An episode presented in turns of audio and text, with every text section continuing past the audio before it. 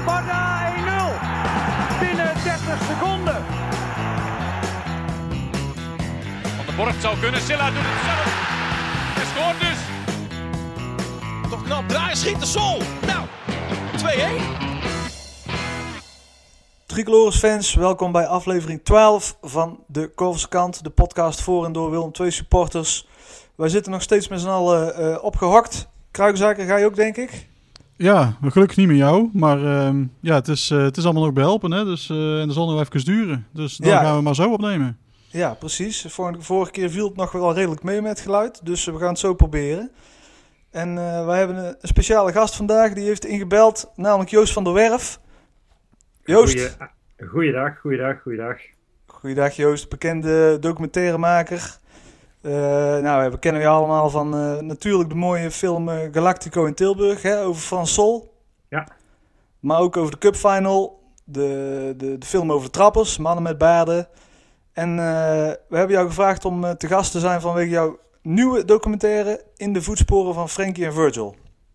Ja, leuk. Als eerste leuk dat ik natuurlijk uitgenodigd ben. En ik, heb, ik, ik, moet ook meteen zeggen dat ik er eigenlijk wel zin in heb. Want door alle coronamaatregelen kan ik niet zoveel met oude hoeren over voetbal. En dat kunnen we nu even lekker gaan doen. Dus ik heb er gewoon zin in. Ja, geweldig. Ja, over voetbal lullen, dat is in deze dagen van harte welkom. Oh, jouw nieuwe documentaire, wanneer, komt die, wanneer gaat die in première? Aankomende zondag is 12 april, zal die voor het eerst draaien op Fox 1 om, uh, om half negen. Oké, okay, nou wij hebben hem, uh, en ik hebben hem net uh, mogen zien alvast. Een sneak preview. We hebben zitten genieten met z'n twee. Maar vertel zelf even, ja, waar, gaat het over, de documentaire?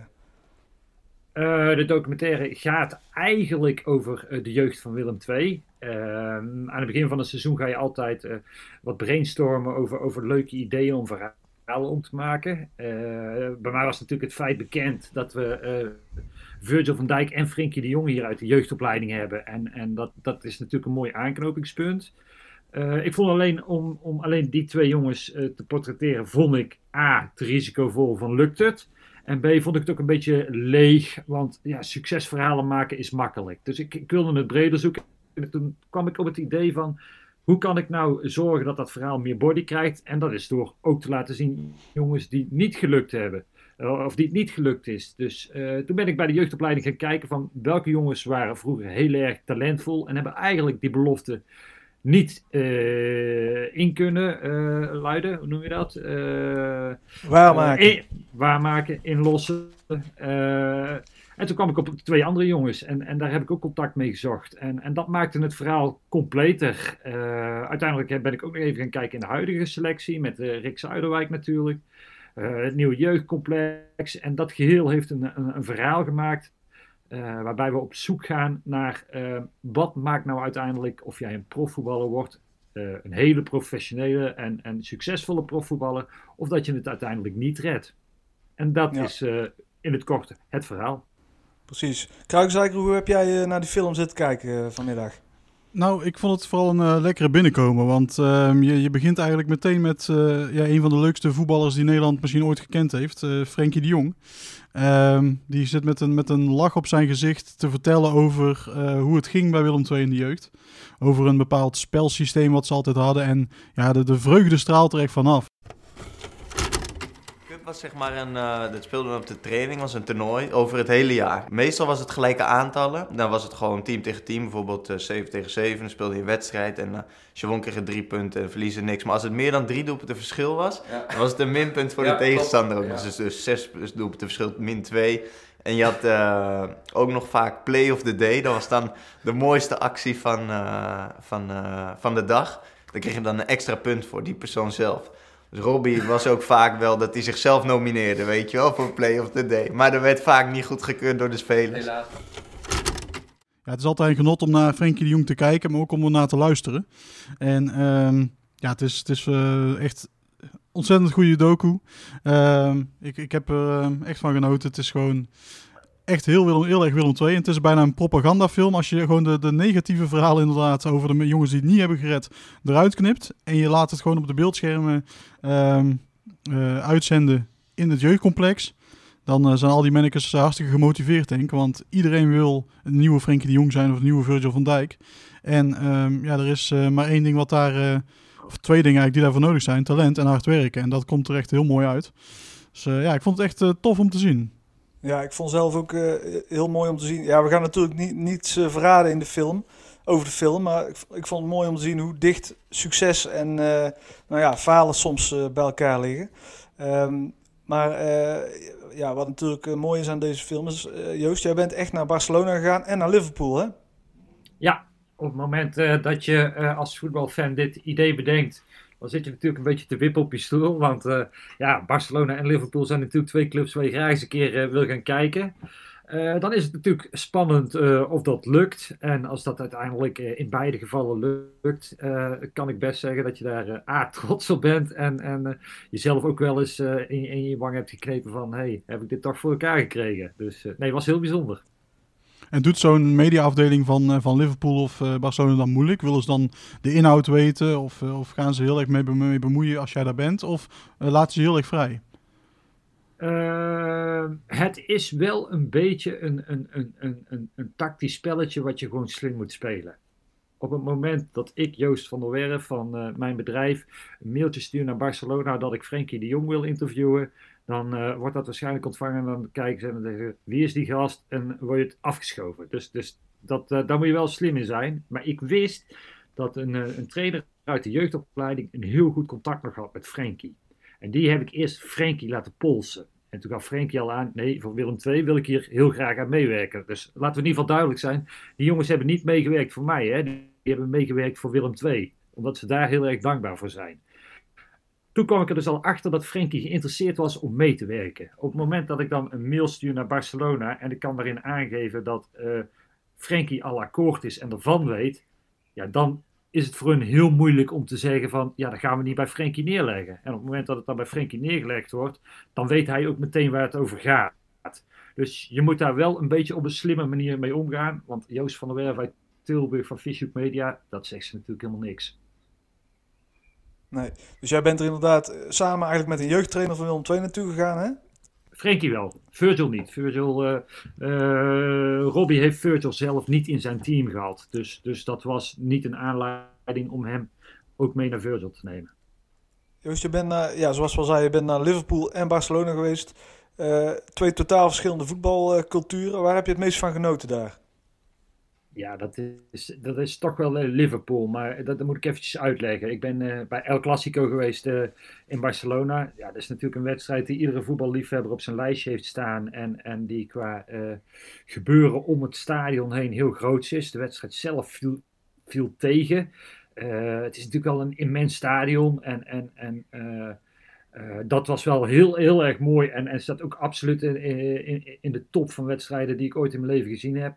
Maar wat ik in uh, Liverpool gezien heb, dat uh, oversteeg al mijn verwachtingen voor de wedstrijd. Die Engelse cultuur, mensen zingen, uren voor de wedstrijd, langs de straat staan, die bus die opgewacht wordt duizenden supporters. De fase waarin Liverpool zit van na 30 jaar weer een kampioenschap halen en dan een wedstrijd spelen tegen de tegen de grote concurrenten, tegen de aardsrivaal Manchester United. En die in het eerste helft compleet van de mat afspelen. Ja, dat was wel zo bijzonder. Ik denk dat, dat die eerste helft uh, Liverpool-Manchester United het beste voetbal is dat ik ooit gezien heb. Zo'n hoog tempo, zo fel erbovenop. Uh, ik denk dat de spelers van Manchester United nog geen seconde hadden om te bedenken wat ze met die bal gingen doen. Dat het toen bij rust geen 6-0 voor Liverpool stond, dat was, dat was een wereldwonder. Dus dat in combinatie met, met het stadion, You Never Walk Alone. Uh, als ik er nu aan terugdenk, krijg, krijg ik er weer kippenvel van. En, en, uh, nee, dat, dat, dat is mogelijk zelfs uh, de meest bijzondere wedstrijd die ik ooit in mijn leven gezien heb. Na natuurlijk alle wedstrijden van Willem II.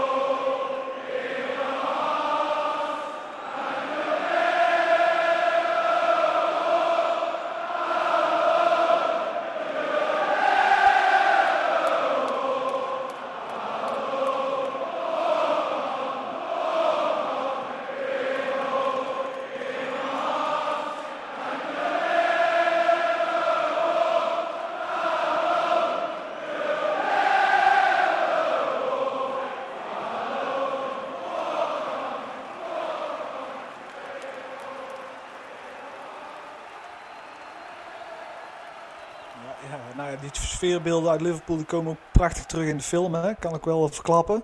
Ehm, maar ja, je bent er natuurlijk wel om een documentaire te maken. Uh, ja. ja je, je, zegt natuurlijk, ja, ik kom uh, voor het verhaal uh, van de jeugdopleiding van Willem II. Zijn mensen daar inmiddels een beetje bewust van Willem II en die, wat er vandaan komt qua talent? In Engeland? Ja, en in, en in Barcelona.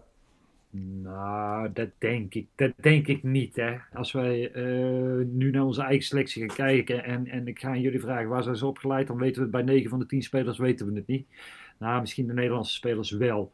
Uh, op het moment maar we hebben geen Virgil, hè? Hoezo, we hebben geen Virgil? Nee, dat is waar, dat is waar. Nee, maar uh, op het moment dat jij vertelt dat je uh, voor een, een, voetbalclub bent die zowel Frenkie de Jong als Virgil van Dijk opgeleid heeft, ja, dan, dan, dan, dan heb je de aandacht wel, ja, absoluut. absoluut. En hoe is de contact met die, met die spelers op dat moment? Want ja, zij, je zei al van, goh, ze vinden het heel tof dat Willem II uh, uh, dit komt doen. Uh, ze zijn dankbaar, zijn Willem II dankbaar. Maar hoe zijn ze op persoonlijk vlak naar jou toe? Zijn ze heel hartelijk of zijn ze toch een beetje heel zakelijk? Van, ik ben een beetje een, een wereldster en jij bent maar een simpel documentairemakertje. Of hoe loopt dat? Absoluut niet.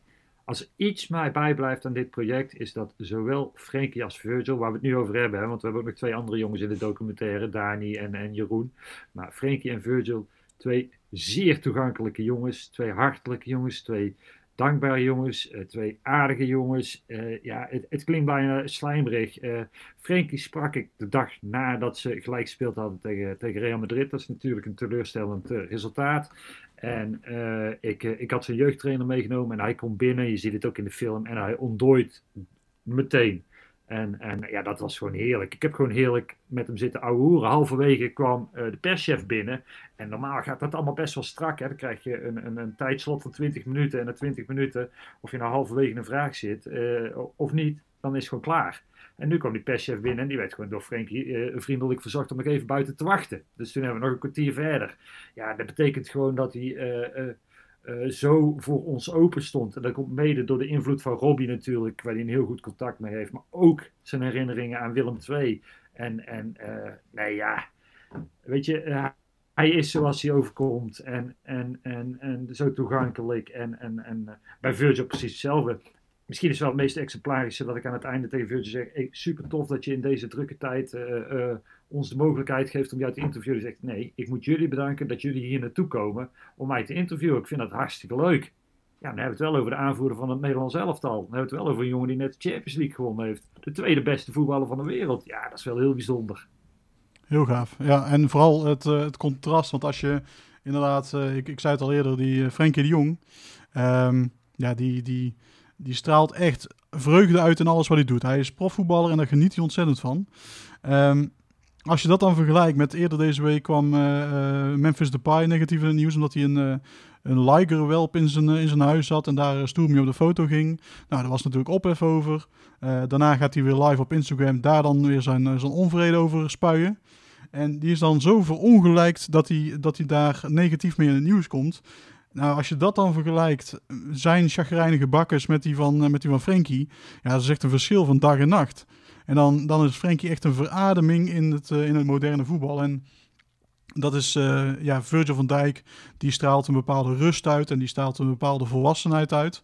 En uh, Frenkie de Jong, die, die straalt echt ja, de jeugdigheid uit en echt ja, totaal bijna verwondering dat hij, dat hij dit mag meemaken. En dat, is, dat komt heel erg naar, naar voren in, de, in die docu.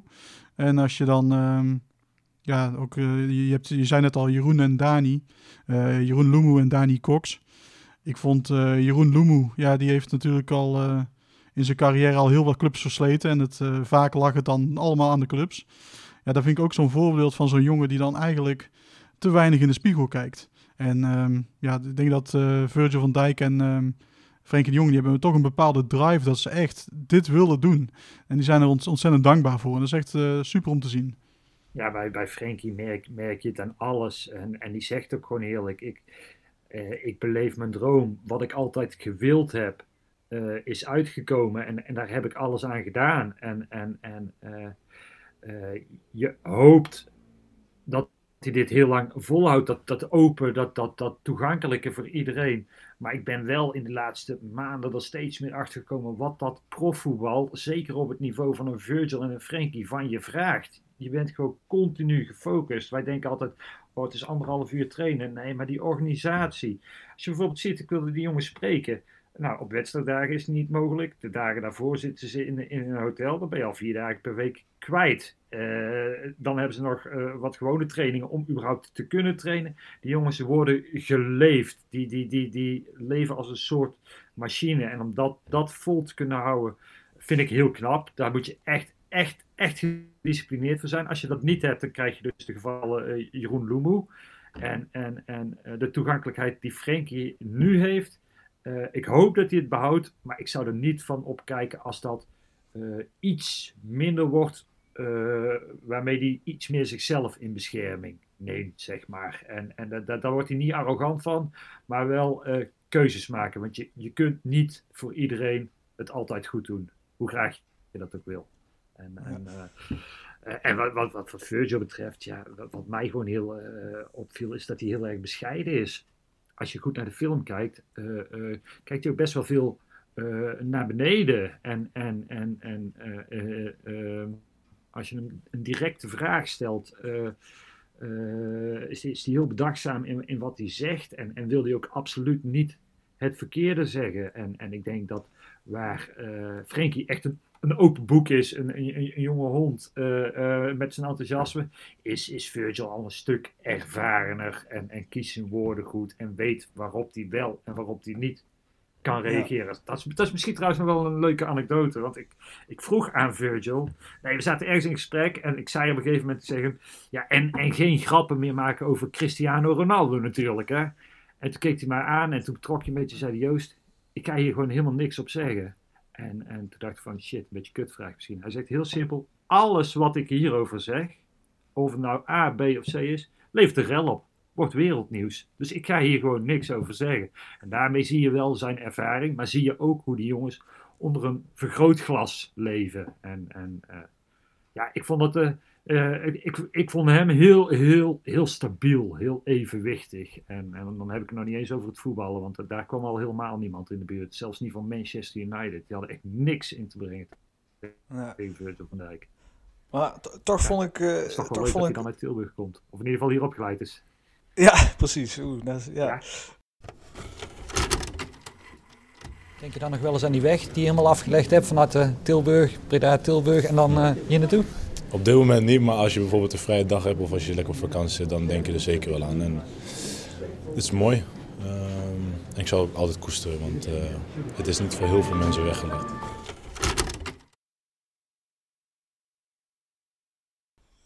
Toch vond ik een paar van de mooiste scènes, vond ik juist die met Jeroen uh, Lumu. Hè, een van de, de grootste talenten van, ons, uh, van onze club van de afgelopen jaren misschien wel. Die het dus niet gered heeft. Um, uh, ja, je ziet gewoon heel duidelijk de nederigheid die Frankie en Virgil hebben, die ontbreekt bij zo'n Lumu. Hè? Maar ja, kun je dat zo'n jongen kwalijk nemen? Zo'n Frankie komt uit een heel uh, stabiele thuissituatie. Lumu die, die vertelt ook iets over zijn situatie, die totaal anders is natuurlijk. Uh, Joost, denk je dat Willem II iets te kort is geschoten in de begeleiding van zo'n jongen? Dat hij het niet gehaald heeft?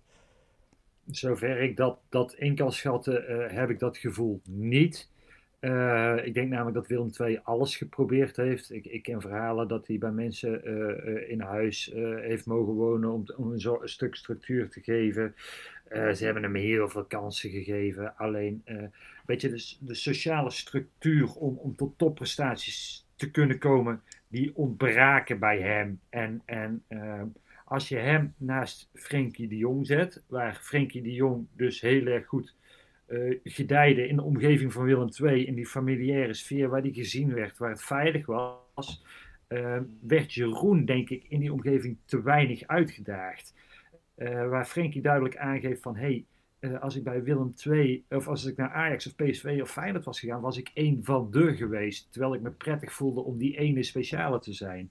Ik denk als Jeroen Lumu die keuze had gemaakt en die was naar Ajax, PSV of Feyenoord gegaan en die was daarbij het eerst aangekomen, had hij veel meer jongens gehad om tegenop te moeten kijken. Dan was hij veel minder weggekomen met, met wat hij, wat, wat uh, met zijn instelling. Alleen Willem II was op dat moment gedegradeerd, speelde in de Jupiler League. Ja, die had niemand voor zich uh, waar die nou echt tegen opkeek. Degene die, die, die, die voor hem speelde was Jonas Kolka, die eigenlijk al op zijn retour was. Dus die jongen die had niemand om tegenop te kijken. Niemand die hem zijn, zijn draai om zijn oren gaf. Uh, ja, speel je op dat moment uh, bij, uh, noem het Dwarsstraat, PSV al, weet ik niet wie er in die tijd speelde. En je had daar Mark van Bobbel rondlopen. Ja, die had hem vier keer over het hek geschopt. Nou, dat was misschien voor Jeroen Lumu wel beter geweest. Maar ja, dat is allemaal achteraf. Ja, dus ook, het heeft ook te maken gewoon met puur op het juiste moment op de juiste plek zitten. Absoluut. Alleen je hebt daar als speler wel een invloed in op. En, en eh, de juiste keuze, maar een plan voor jezelf hebben. En, en vooral dat plan ook niet te ver vooruit stellen. Eh, Virgil vertelt dat heel mooi. Hè? Stapje voor stapje voor stapje ben ik gekomen waar ik nu ben. Hoe groot is de invloed geweest van Virgil van zijn stap naar Groningen toe? Het moeten loslaten van je thuissituatie. Het op eigen benen komen staan. Toen werd hij daar ook nog eens ziek, wat een tegenslag uh, is geweest. Uiteindelijk heeft dat er allemaal voor gezorgd dat hij geworden is wie hij geworden was. Ik heb hem gevraagd van, had jij die stap niet gewoon nodig van Willem II naar Groningen om uiteindelijk deze carrière voor elkaar te krijgen? Ja, dan zegt hij, ja, dat zullen we nooit weten. En daar heeft hij natuurlijk wel gelijk in. Dus je moet gedeeltelijk geluk hebben, maar je hebt zelf wel een hele grote invloed in een heleboel facetten van dat geluk. Kijk, ik heb sowieso nergens echt, echt spijt van. Want alles gebeurt met de reden. Maar als ik dan zo, zo terugkijk, denk ik wel gewoon de tijd bij, de tijd bij Willem II zelf gewoon. Ik denk dat dat heel anders had kunnen lopen. En eh, ik denk dat, dat, dat ik daar wel voor, dan het meeste spijt van heb. Nou, in het verleden was er nog een uh, geweldenaar die het niet gered heeft. En daar uh, gaan we het over hebben in de rubriek Waar is Jatto? En Cizé heeft de mogelijkheid. En Cizé scoort net voor de rust. Cizé stond er nog goed voorgegeven. Cizé, Bombarda wacht lang, maar toch 2-0.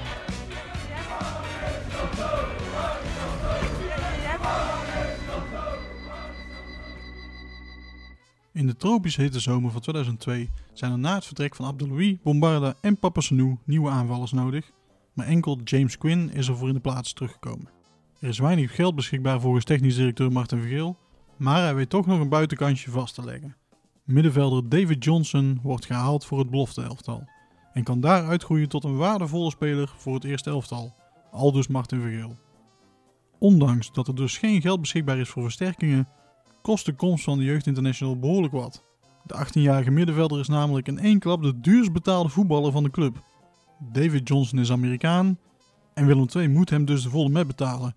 Een salaris van ruim 250.000 euro per jaar. En dat is niet gek voor een speler uit de tweede. En ik heb ooit ergens gelezen dat David Johnson over drie seizoenen in totaal vijf wedstrijden gespeeld heeft voor Willem II. Vooral invalbeurten. Met een salaris van 250.000 euro per jaar zou dat 150.000 euro per wedstrijd zijn.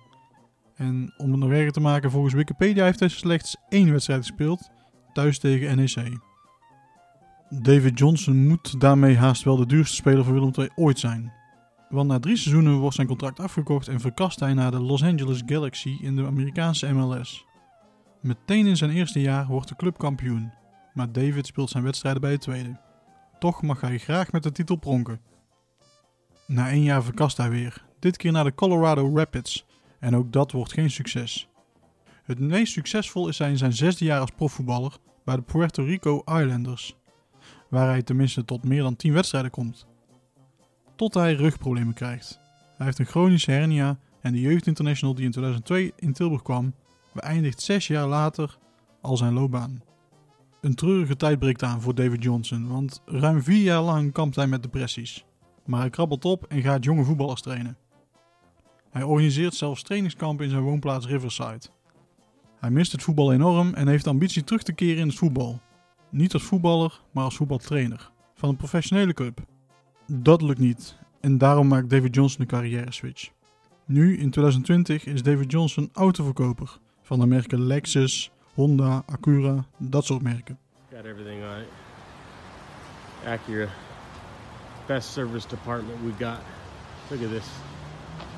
Come on, we got all these cars. Come see me. Yeah, this is it. Come on. You got my number. Direct message me.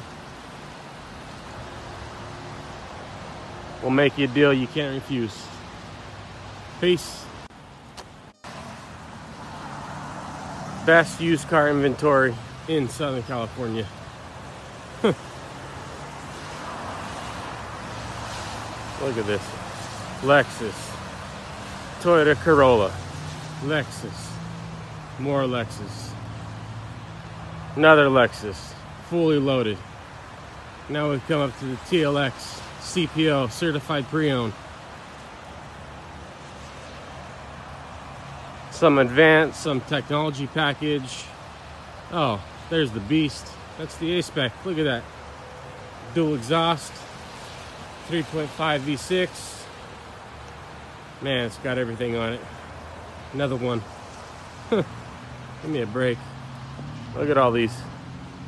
Another MDX right there. There's a Honda store right there. If you don't want an Acura, I can sell you Honda. Ja, David Johnson is bijna een mythisch figuur voor mij geworden. Want uh, op de ranglijst van Vergeten Willem II supporters moet hij de gouden medaille net aan Seiko Suma laten. Maar de zilver is dan toch zeker voor hem. En al sinds ik acht jaar geleden begon met, uh, met mijn uh, website De Kruikenzeiker probeer ik deze vergeten voetballer te strikken voor een interview. Via Facebook, LinkedIn, Twitter. Overal heb ik hem berichten gestuurd. Acht jaar lang, ieder jaar wel een keer. Soms na een half jaar nog eens. Hoi David, ik ben een supporter van jouw oude club Willem II. Zou ik je mogen interviewen? En nooit kwam er een reactie. Maar nu, afgelopen week, stuurde ik hem nog eens een berichtje nadat hij een foto had geplaatst op Instagram. Dus ik wist dat hij actief was. Hoi David, ik ben een supporter van je oude voetbalclub Willem II. Mag ik je interviewen voor een podcast? Dat verhaal weer. En vol spanning wachtte ik af. Ik verwachtte er helemaal niks van, maar de dag erop kwam er toch een reactie. Hij laat weten dat hij niet echt staat te springen om een interview, want hij heeft slechte ervaring met een journalist. Die heeft onwaarheden in de krant uh, verspreid of iets dergelijks. Een beetje een vaag verhaal. En hij vroeg nog of ik ook van de krant ben.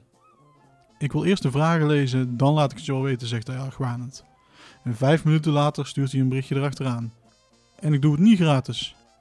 Dus na kwart miljoen te hebben verdiend aan onze club voor een enkele tegenprestatie, wil hij nog even 200 dollar voor het beantwoorden van een paar vraagjes. We hebben nog onderhandeld en hij stelt zijn tarief flink naar beneden bij voor de Korverse kant, maar we laten het maar zo. Er zijn veel voetballers verdwenen, maar sommige moet je niet willen vinden.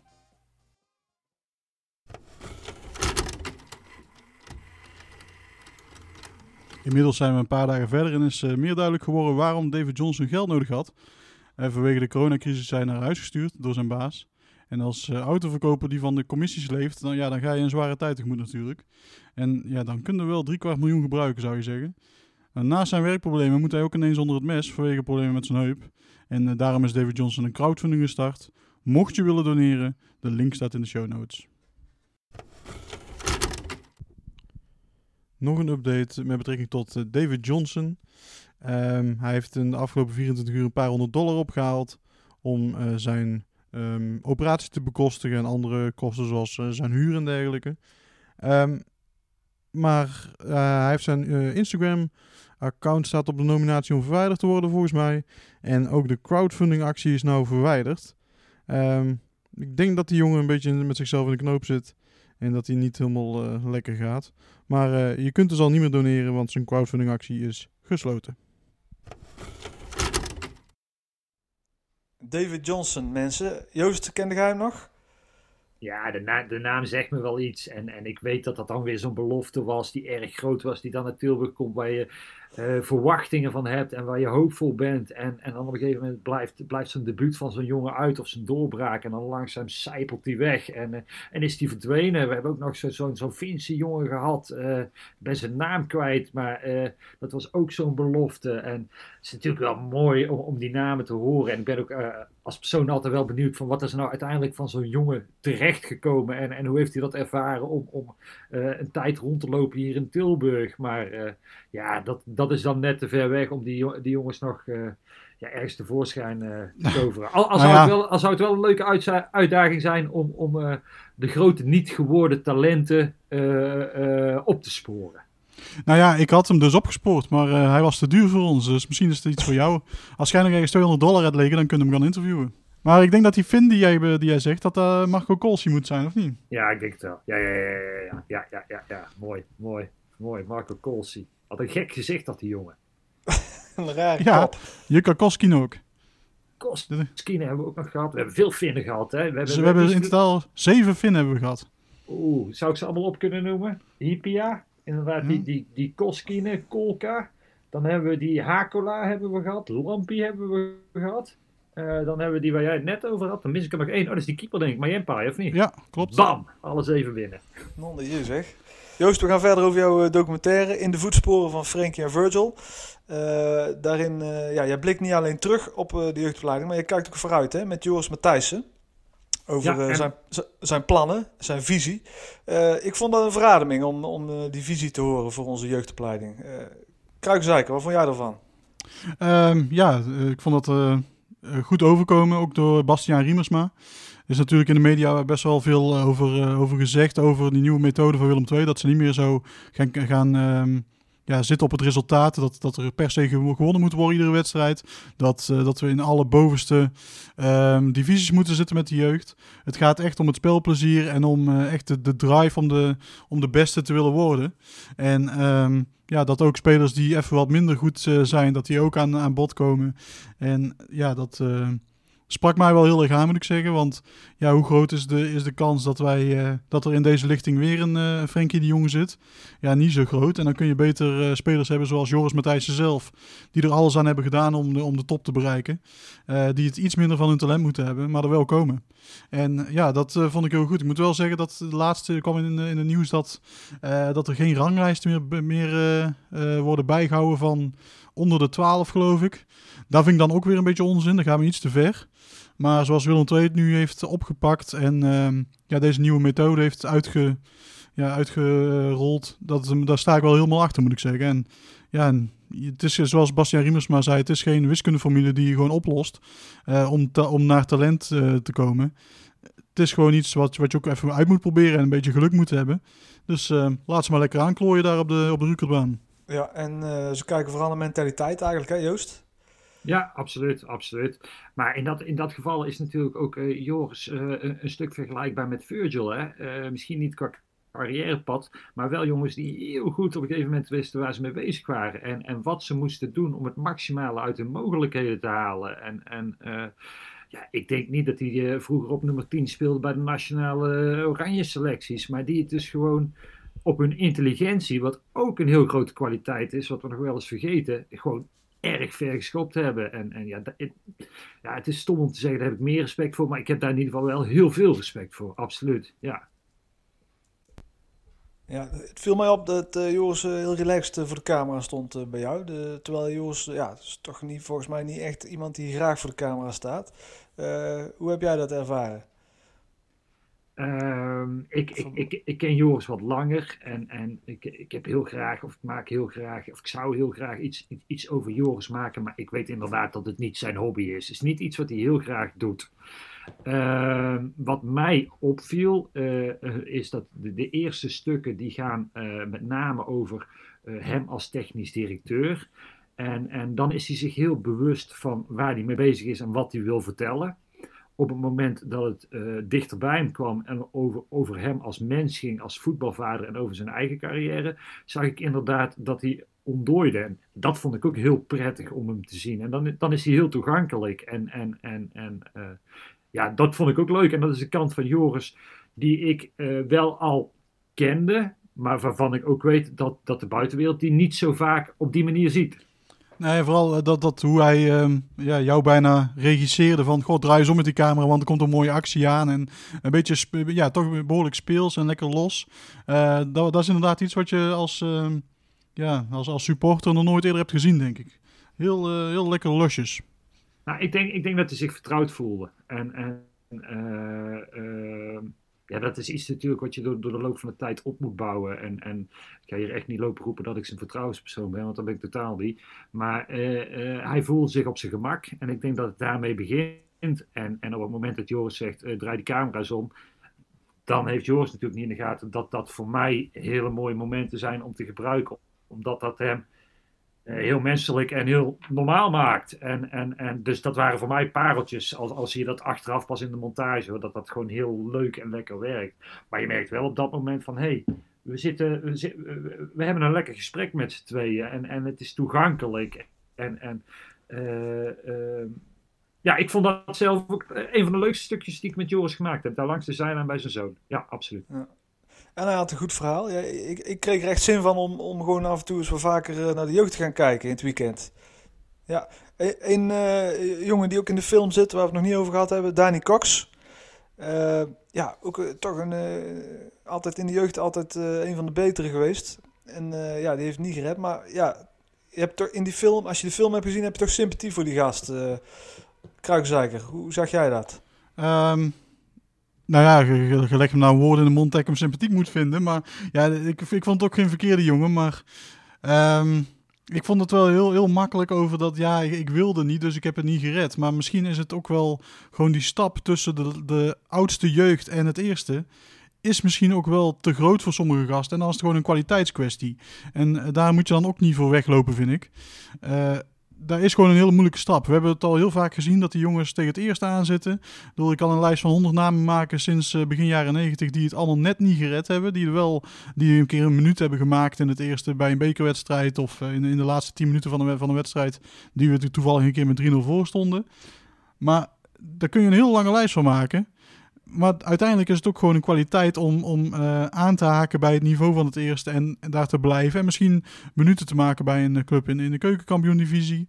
Um, maar ik, vond, ik vind wel dat sommige gasten te makkelijk vallen in van ik wilde het niet graag genoeg. Of uh, het was een motivatieding, ik vond het niet leuk genoeg.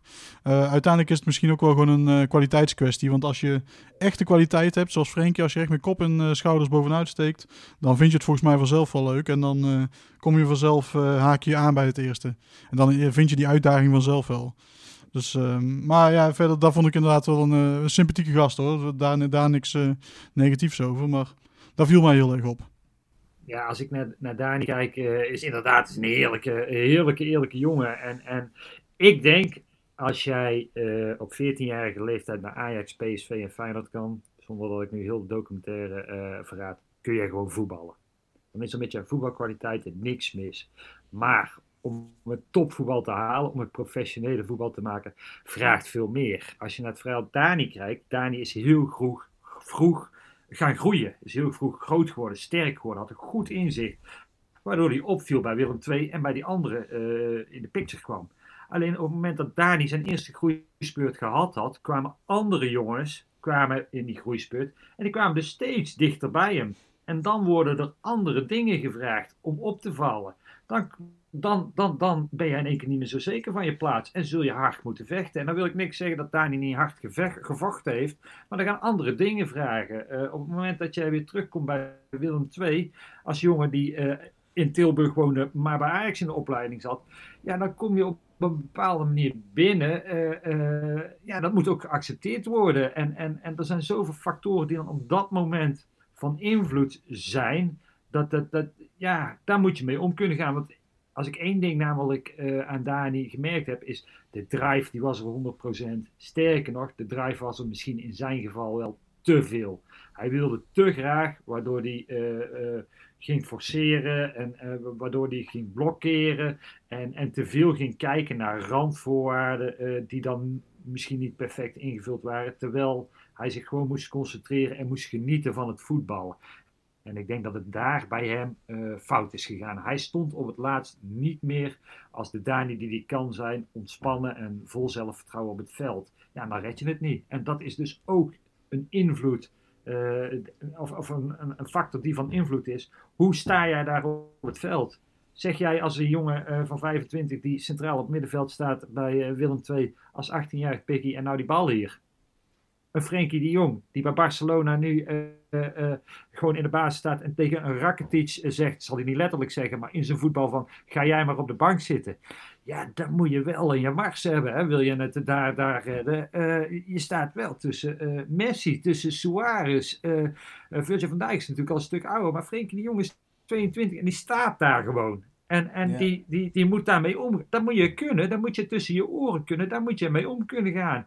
En, en ik ben ervan overtuigd dat al die vier die jongens die we geportretteerd hebben, uh, sterker nog, ook Rick Zuiderwijk, die hebben allemaal de capaciteit om te redden in het betaald voetbal. Alleen er wordt zoveel meer gevraagd dan alleen een bal met links, met rechts of uh, binnen- of buitenkant kunnen raken. En dat laatste stukje, daar, daar gaat het om. Heb je die wil, snap je het, heb je een plan, is je plan haalbaar, dan kom je er of dan kom je er niet. En, en, en dat is moeilijk, want ja, uh, je bent voor de eerste keer op die leeftijd, je bent voor de enige keer op die leeftijd. Ja, heb jij die wijsheid in pacht?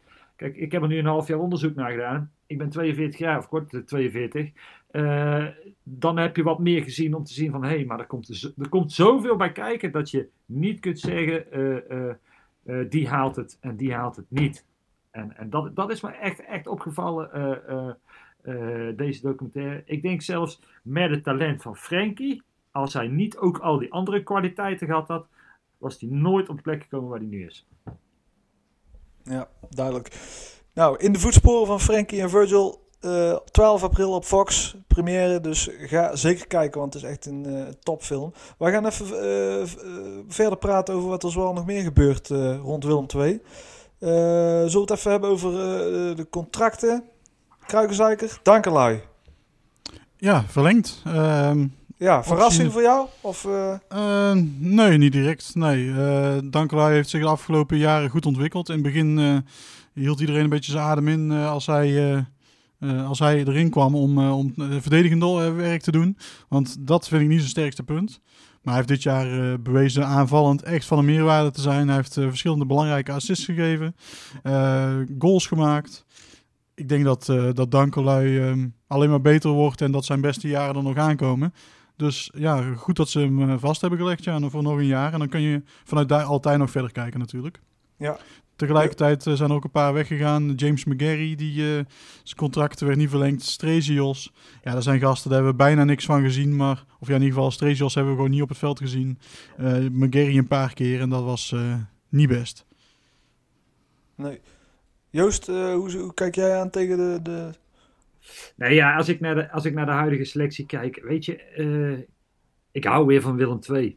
En dat is jaren niet zo geweest. En, en uh, Dankelui, weet je, als je op de bank zit, hij, hij, hij zit denk ik niet bij de eerste elf. Maar als ik op de bank zie zitten, denk ik, godverdorie, eigenlijk hoor je toch ook in de basis. Maar, maar ik zou niet weten voor wie dan. En het is een team waar, waar ik weer van, van hou. En joh, als ik nou in Dankelui zit, dan, dan, dan mis ik zo het op de tribune zitten. En dan de ene moment uit te voeteren. En de volgende moment maakt hij weer een fantastische actie en winnen we een wedstrijd door hem. Nee, ik vind dat de Damiel deze contractverlenging absoluut zelf verdiend heeft. Dus uh, ik ben blij dat hij nog blijft. Ja. Ja, eigenlijk alleen die goals in de arena heeft, heeft hem al, uh, zou hem al een contract moeten opleveren. Hè? Minimaal. Doe, doe er maar een jaar bij. Hey, uh, Joost, we hebben eigenlijk allemaal nog op zolder liggen. Hey, ja, die gaan nog op zolder liggen. Hey, wil ik nog op hoeveel zolder liggen? Hey, hey, hey, ga ik op zolder liggen? Ga ik op hoeveel zolder liggen? Ga ik op zolder liggen? Nou, nou. Denk er aan een grote vergeet mij al die platen van hoe. Ja, ja. Hey, Joost, uh, ja, ja, want jij bent ook wel echt een verzamelaar hè, van Willem twee uh, dingetjes. Het, het, grappige is, uh, mijn vriendin werkt nu thuis en ik, ik heb mijn studio achter, achter huis zitten. En die moet natuurlijk allerlei videogesprekken hebben. En daar wordt nu al gekscherend tegen gezegd, zit je weer in, in, in, in dat museum van die vent van jou. Dus nee, ik verzamel van alles. Wat voor 80% van de mensen misschien wel troep is. Maar ja, ik vind het leuk. Dus, dus nee, ik, ik verzamel van alles. Ja, nou, we hebben jou ook gevraagd om ja, niet iets mee te nemen, maar iets uit te kiezen om het er even over te hebben. Waar, waar heb jij, waar, waar, wil je iets over vertellen? Ik wil iets, iets vertellen over, over een verzameling die ik heb. En die verzameling die bestaat uit uh, 20 jaar spelerskaarten van Willem II. En dat, dat is vanuit het jaar 1986 ongeveer tot 2006. Die heb ik gehad van mijn werkster, die een diehard Willem II fan was. En die is helaas dit jaar overleden. Maar daarvoor heb ik ze al van haar gehad. Ze zei, ik heb hier 20 jaar foto's, wil jij die hebben? Ik zeg, en of ik die wil hebben. En, en ik vind dat dan mooi om terug te kijken naar al die oude hoofden en al die oude koppen. En toen kwam ik een foto tegen van Ruben Kogeldans. Helaas verongelukt met de SLM-ramp in Suriname. En, en ik kan me nog herinneren namelijk dat Ruben Kogeldans bij Willem II voetbalde ik denk dat ik een jaar of 10, 11 was. En ik ging dan samen met een vriendje op maandagavond ging bij Willem II kijken. Het was in de tijd dat je nog zo'n mooie simpelbaan uh, eh, rondom het veld had en, en zo'n uh, kussen waar je kon polstok hoog springen.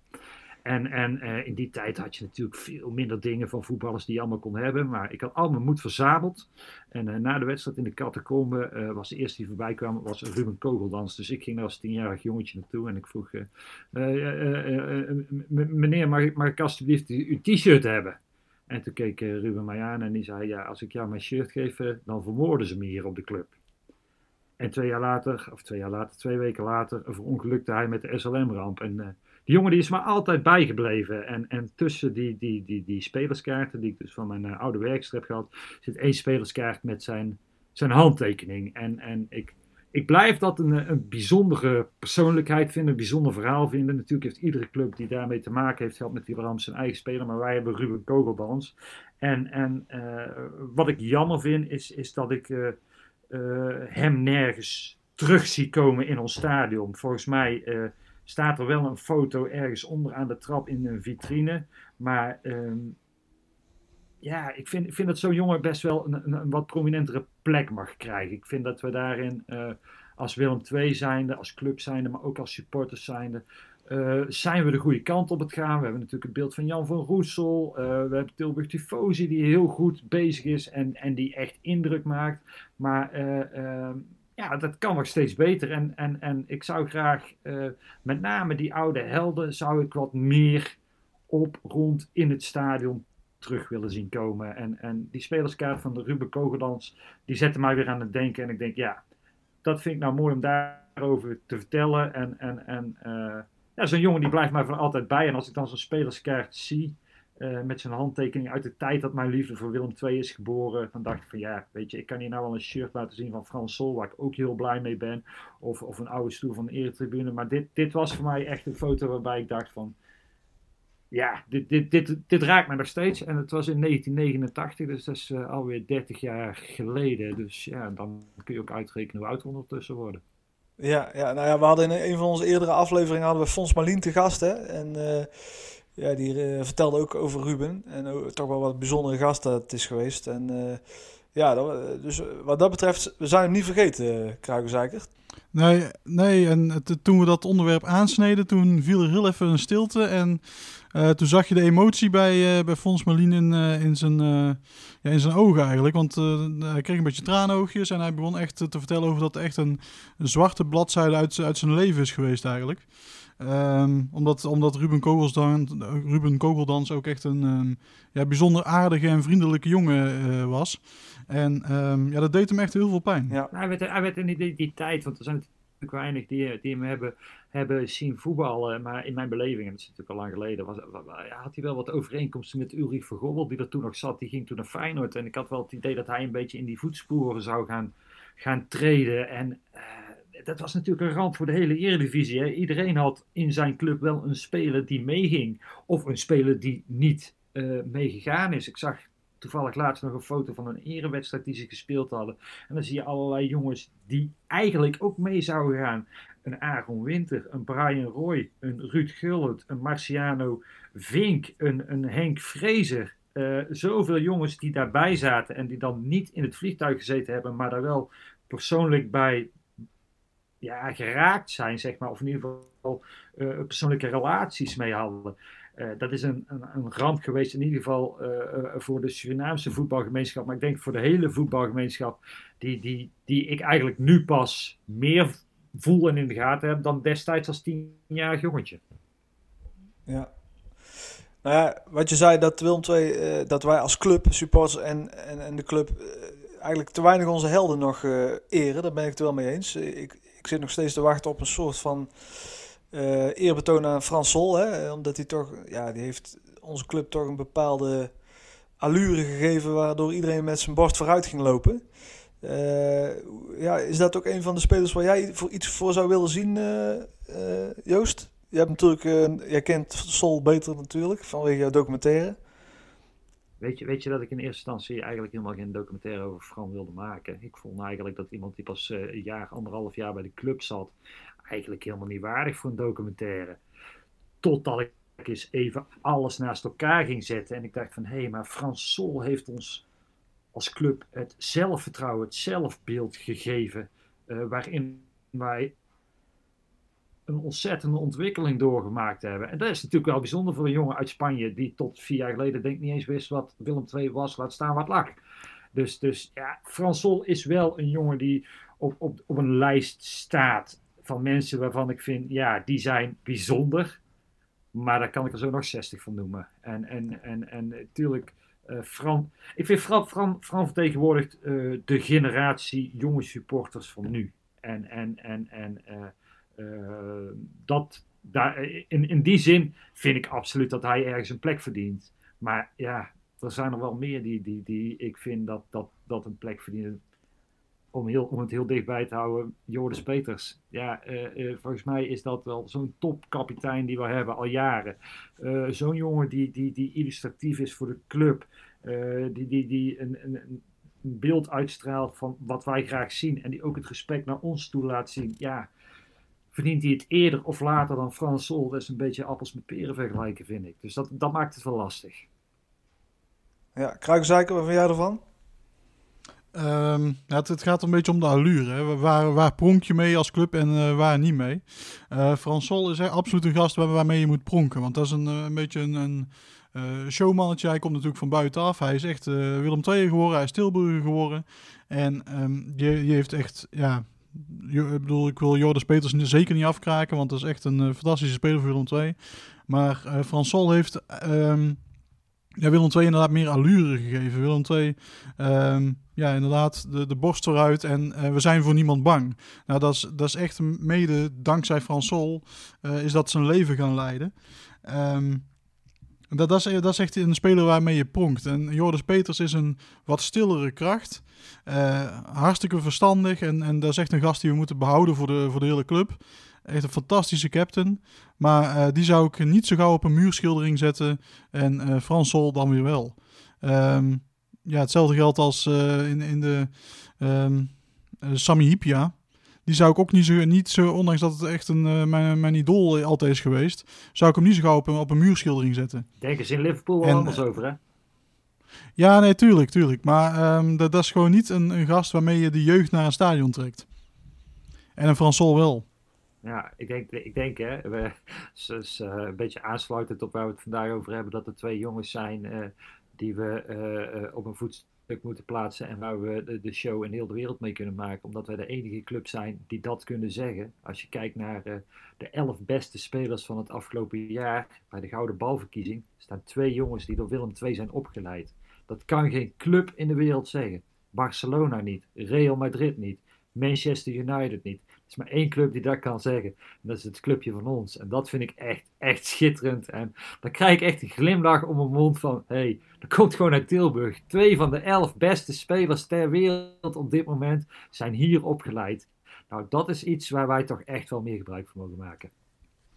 Absoluut. En dat is waar ik zeg, aan het begin zei ik het al, jij moet gewoon een uh, korte edit maken met alleen die positieve punten, alleen Frankie, alleen Virgil en wat je moet doen om dat te bereiken. En dat moet gewoon op repeat in het uh, clubhuis van aan de, aan de Rukerbaan gedraaid worden. En dan wilden al die gasten, die wilden daar allemaal naartoe, die wilden allemaal die nieuwe Frankie of Virgil worden.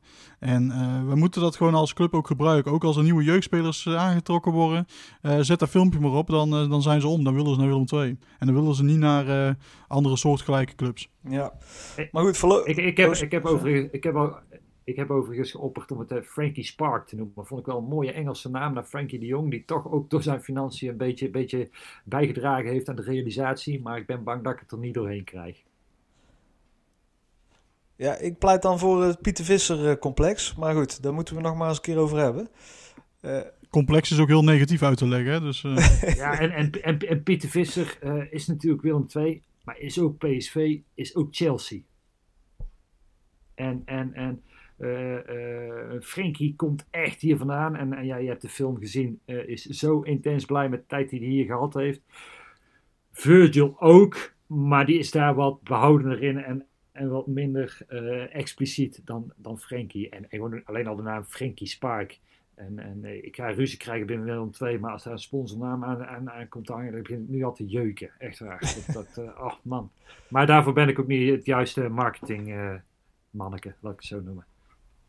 Ik moet ook één ding wil ik eigenlijk nog wel eh, spoilen van de, van de documentaire. Er, zijn, er waren de mooie woorden van uh, Frenkie, die zijn echt blijven hangen. Ehm, dat hij het jammer vond dat hij niet meer wedstrijden in het eerste van Willem II heeft mogen spelen. Ik, dat, zie je in alles. Dat, dat zie je in alles. Dat zie je in dingen die hij van Willem II uh, retweet. Dat zie je in dingen die hij die, die liked van Willem II. Dat, dat zie je in, in, in de documentaire hoe die, hoe die... Ik durf te zeggen dat Willem II, of dat Frenkie van Willem II houdt op zijn manier. Absoluut, ja. Maar goed, voorlopig wordt er nog helemaal niet gevoetbald uh, bij Willem II. Uh, moeten we het daar nog even over hebben, Kruikenzaker? Over uh, de, hoe de situatie er nu voor staat en de plannen van de KNVB. Ja, de KNVB wil doorspelen. Ja.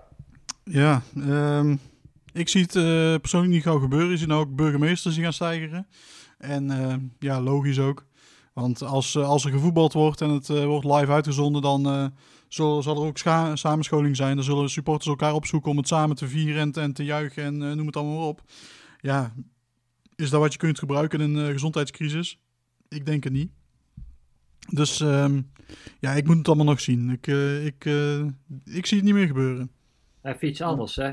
Ik ben, ik ben nogal van de conspiracies-theorie, maar, maar wat, wat voor kortsluiting heeft zo'n Chris Woods in zijn hoofd als hij bedenkt dat hij kan roepen dat de nummer 5 uitgesloten moet worden omdat de nummer 6 het in het verleden beter heeft gedaan.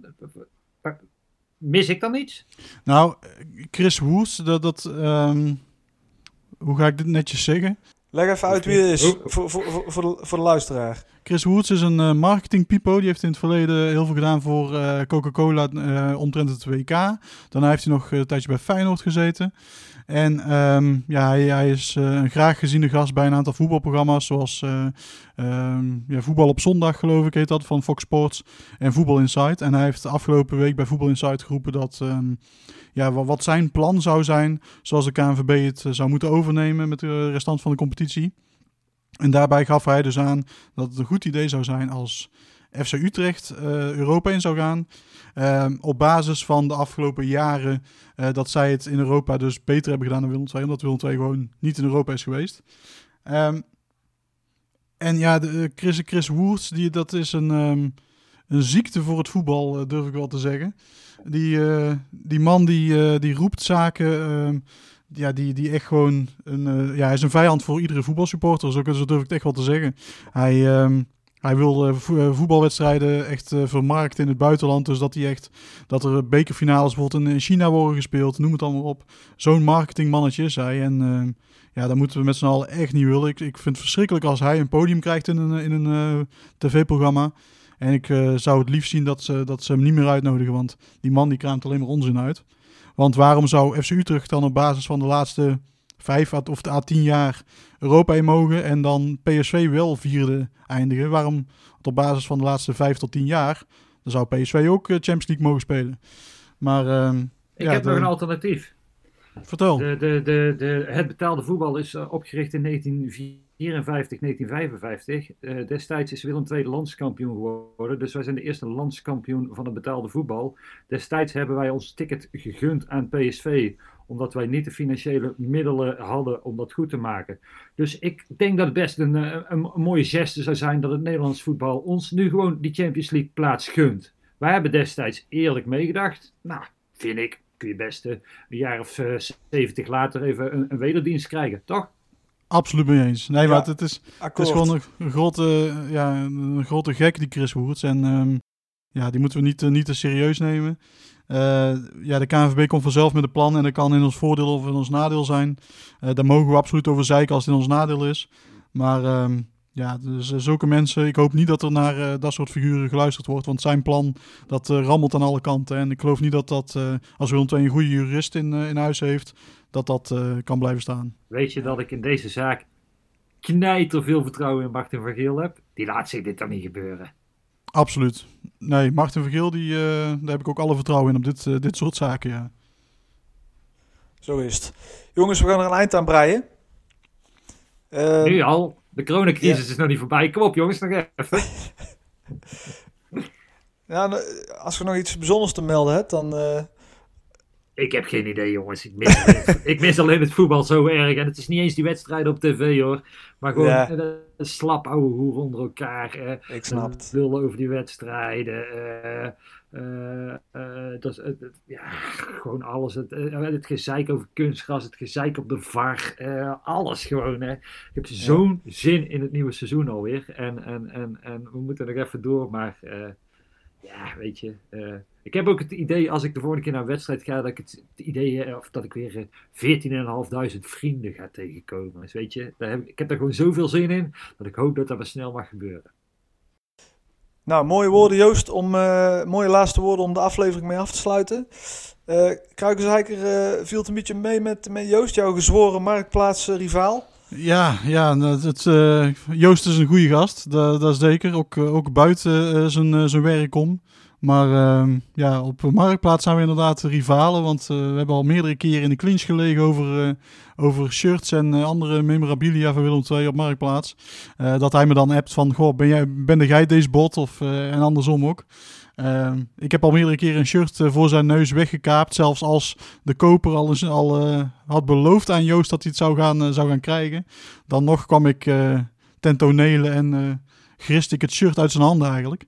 Niet helemaal netjes voor mij, maar ehm, ja, alles voor, eh, alles voor de collectie natuurlijk. En dat begrijpt Joost als geen ander. Ik Toch wil er Joost? wel even, even graag op eh, reageren. Want eh, kijk, de Kruikenzeiker staat er natuurlijk in Tilburg goed op. Met allerlei eh, mooie initiatieven, mooie verhalen. Maar in principe is het gewoon een onbetrouwbare gozer. Eh, hij heeft me al meerdere keren achter mijn eh, rug om beduveld. En, en doet dat dan ook nog incognito. Eh, in het stadion vraag ik aan iedereen wie het is. Niemand wil het tegen mij zeggen. En eh, ja, weet je, als je het van dat soort jongens moet hebben. Ik, ik vind het pijnlijk. Ik vind het gewoon echt, echt pijnlijk. En eh, ja, het is dat ik nog wat van die blondjes in de koelkast heb staan. dat ik af en toe nog aan hem moet denken. Maar soms zou ik hem het liefst meteen vergeten. Ja, jongens, dit, deze, deze ruzie die doet mij ergens aan denken. Eh, paar maanden geleden stond er op Marktplaats eh, een eh, betonnen kunstwerk dat boven de kassas van het oude stadion hing. Eh, ik heb eh 1000 euro geboden, maar helaas ben ik overboden. Was er iemand van jullie dat? Ik, ik, ik, ik heb er wel over nagedacht en, en ik zag hem ook wel in de tuin staan. Ik denk mijn vriendin iets minder. Eh, als ik hem nu nog naar kijk, want ik, ik heb net even een fotootje opgezocht, eh, heeft het ook wel wat eh, weg van een grafzerk. Maar ja, dat vind ik iets te om een grafzerk uiteindelijk van Willem II te nemen. Maar ik heb hem dus in ieder geval niet, want eh, 1000 euro werd mij te gortig. Ja, nee, ik, ik heb hem ook niet. Maar wij willen eigenlijk wel heel graag achterkomen wie dat ding heeft eh, gekocht. Dus mocht diegene luisteren naar deze aflevering, stuur even een mailtje naar, naar ons of tweet even naar de Kruikenzeiker of zo. Want eh, ja, we zijn toch wel heel benieuwd. En eh, eigenlijk mag zo'n eh, ding niet verloren gaan, toch eh, jongens? Nee, wa- wat, wat doet iemand ermee?